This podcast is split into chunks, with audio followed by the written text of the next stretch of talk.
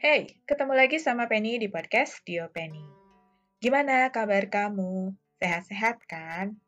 Karena hari ini hari Sabtu, kita ketemu lagi di segmen Capris. Ngacapruk rada serius. Namanya rada serius, nggak serius-serius amat. saya pernah ngacapruk tentang soundtrack kan ya? Kali ini saya pengen ngecapruk tentang The Power Song. Jadi rencananya setiap Sabtu, pekan terakhir setiap bulannya, saya pengen ngasih kamu The Power Song. Ya, versi saya tentu saja. Tapi kalau kamu punya versi kamu, kamu pengen suggest ke saya, request ke saya, mah enggak. Silahkan, silahkan kabarin saya ya. Setiap orang kan pasti punya power song masing-masing dong ya. Lagu yang ngasih inspirasi untuk bangkit misalnya. Nah, untuk subsegmen The Power Song di segmen Capris hari ini, saya pengen cerita tentang salah satu lagunya One Ok Rock, Ih, band kesukaan saya banget, yang judulnya Stand Out Fit In. Sebagian liriknya tuh kurang lebih gini. I know they don't like me that much. Guess that I don't dress how they want. I just wanna be myself. I can't be someone else. Try to color inside their lines try to live a life by design. I just want to be myself. I can't be someone else. Someone else. They yell, they preach. I've heard it all before. Be this, be that. I've heard it before. Heard it before. Big boys don't cry. Shoot low, aim high. Eat up, stay thin, stand out, feeling. Gak kuat kan nyanyi. Good girls don't fight. Be you dress right. White face, tan skin, stand out fit. Lagu ini bilang, kenapa sih harus sama kayak orang lain? Kalau sebenarnya kita bisa punya warna kita sendiri. Warna itu kan gak cuma putih sama hitam atau abu-abu. Di luar itu kan ada banyak warna-warna yang kita banget. Ada biru, ada merah, bahkan ada turunan warna-warna itu yang banyak banget. Kalau warna aja bisa banyak rupa, kenapa manusia enggak? Ya kan? Setiap orang didesain secara unik sama Tuhan. Karena keunikan masing-masing itulah, kita semua seharusnya bisa stand out. Memang sih kebanyakan orang tua tuh pengen anaknya sehebat anak orang lain. Iri sama anak orang lain yang bisa begini dan begitu. Biasa, rumput tetangga selalu lebih hijau dari rumput sendiri.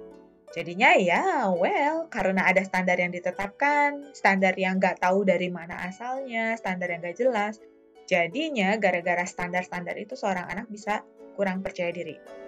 Saya termasuk contoh yang sering dibandingin sama orang lain, baik oleh orang tua maupun mantan pacar.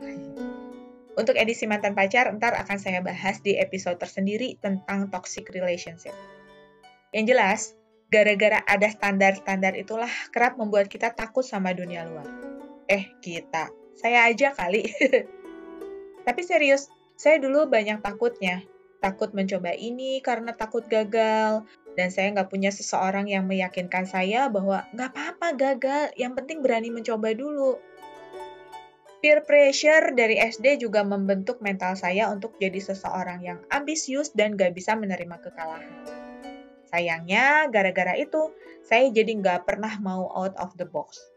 Jadi peer pressure di sini tuh maksudnya ada persaingan, ada persaingan ketat, tapi jadinya ada kubu-kubu. Jadi saya waktu itu uh, suka bersaing, bukan bersaing sih, ya biasa ya namanya ranking-rankingan itu pasti standar banget lah. Saya pengen jadi over over her, over him gitu ya. Tapi itu membentuk kayak gangster gangster apa ya gap gap di kelas. Jadi siapa yang pro saya siapa yang pro teman saya yang rankingnya lebih rendah dari saya atau lebih tinggi gitu. Bahkan perseteruan itu tuh jadi ngegeng gitu. Jadi ada kubu saya dan ada kubu teman saya yang lain. Dan itu nggak sehat banget. Dan saya bersyukur saya menyekolahkan anak saya di sekolah yang benar-benar ngebuka wawasan bahwa prestasi itu bisa dari mana aja. Nggak mesti akademik nggak harus matematika kamu menonjol, nggak harus bahasa Inggris kamu menonjol, tapi kamu bisa menonjol di semua bidang.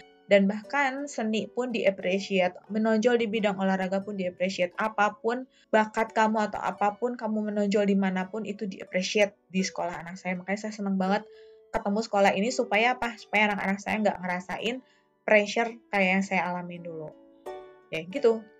Nah, jadi sayangnya gara-gara peer pressure itu saya jadi nggak pernah mau out of the box. Saya hanya berkutat di zona nyaman. Karena saya sudah hafal tracknya. Jadi, karena saya sudah langganan ranking 1, ranking 2, ya udah saya nyobanya di situ aja.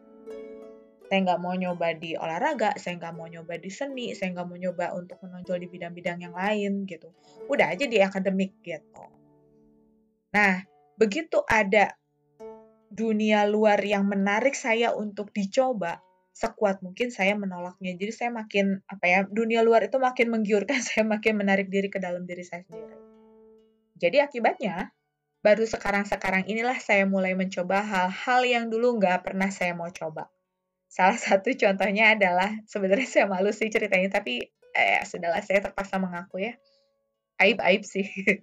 Baru sekarang saya mau belajar menggambar atau doodling. Sampai ikut kelas doodling bareng anak TK dan SD dong.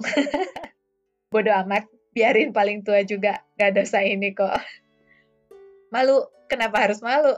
Apa karena orang-orang di usia saya udah pada jadi ilustrator, desainer? Tapi kan mereka nggak ikutan masuk ke dunia kerjaan saya, yang sekarang kan. Jadi kenapa saya harus malu? toh saya nggak merugikan mereka dan saya nggak merugikan orang lain gitu. Namanya juga lagi belajar kan. Kalau diketawain netizen misalnya ya cuekin aja. Mereka kan nggak berdiri di sepatu kita. Dan nggak pernah ada kata terlambat buat mencoba. Saya sih udah sering diledekin teman-teman yang notabene ibu-ibu yang merasa terlalu dewasa untuk main game. Sementara saya masih sibuk berkutat main beberapa game. Daripada kerjanya selfie aja, ayo loh. Enggak sih, Gak salah sih sebenarnya sama hobi selfie, tapi mungkin karena saya orangnya introvert. Saya sebenarnya malu kalau harus posting foto muka sendiri, walau pasti ada temennya. Entah itu suami, anak, atau temen. Sesekali oke okay lah, asal emang ada occasionnya, misalnya lagi datangin ke nikahan siapa, bukti hadir kayak gitu, gitu atau ada apalah gitu. Intinya bukti otentik bahwa saya menghadiri sesuatu. Yang jelas, saya nggak tahu jenis introvert apa yang saya idap, karena bahkan saya pun malu melihat selfie orang lain yang porsinya kebanyakan, apalagi menuh-menuhin isi lini masa. Beneran saya kalau lihat muka segede gambreng gitu ya di timeline, aduh malu lihat ya. Gak tau kenapa gitu, padahal itu orang lain gitu ya, dianya pede-pede aja kok saya sendiri yang malu gitu. Oke, segitu dulu tentang jadi diri sendiri. Senyamannya aja sama diri sendiri Jangan takut buat mencoba sesuatu dan keluar dari zona nyaman. Jangan takut sama standar, selama itu nggak ada aturan dan larangannya secara legal. Baik itu dari Tuhan maupun pemerintah, gasken aja. Ya, jangan mencoba mencuri atau mabok atau narkobaan juga sih. Kan itu mah aturan dan larangannya udah jelas pisan. mencoba sesuatu yang baru tapi tetap sesuai nalar, logika, dan aturan. Selamat mencoba. Oke, Sekian dulu celotehan saya soal The Power Song Stand Out Fit In di segmen Capres. Jangan lupa follow Instagram saya di dopeni ya, di .o.penny. Kamu bisa dengerin podcast saya yang lain loh, di Bandungan aja, yang isinya tentang sejarah terbentuknya kota Bandung dan seterusnya. Untuk saat ini sih masih cerita-cerita tentang penemuan-penemuan yang mengarah pada sejarah kota Bandung. Makasih ya udah dengerin. Kamu harus terus sehat biar bisa dengerin saya ngacapruk lagi. Jangan lupa, bahagiamu always comes first. Dadah!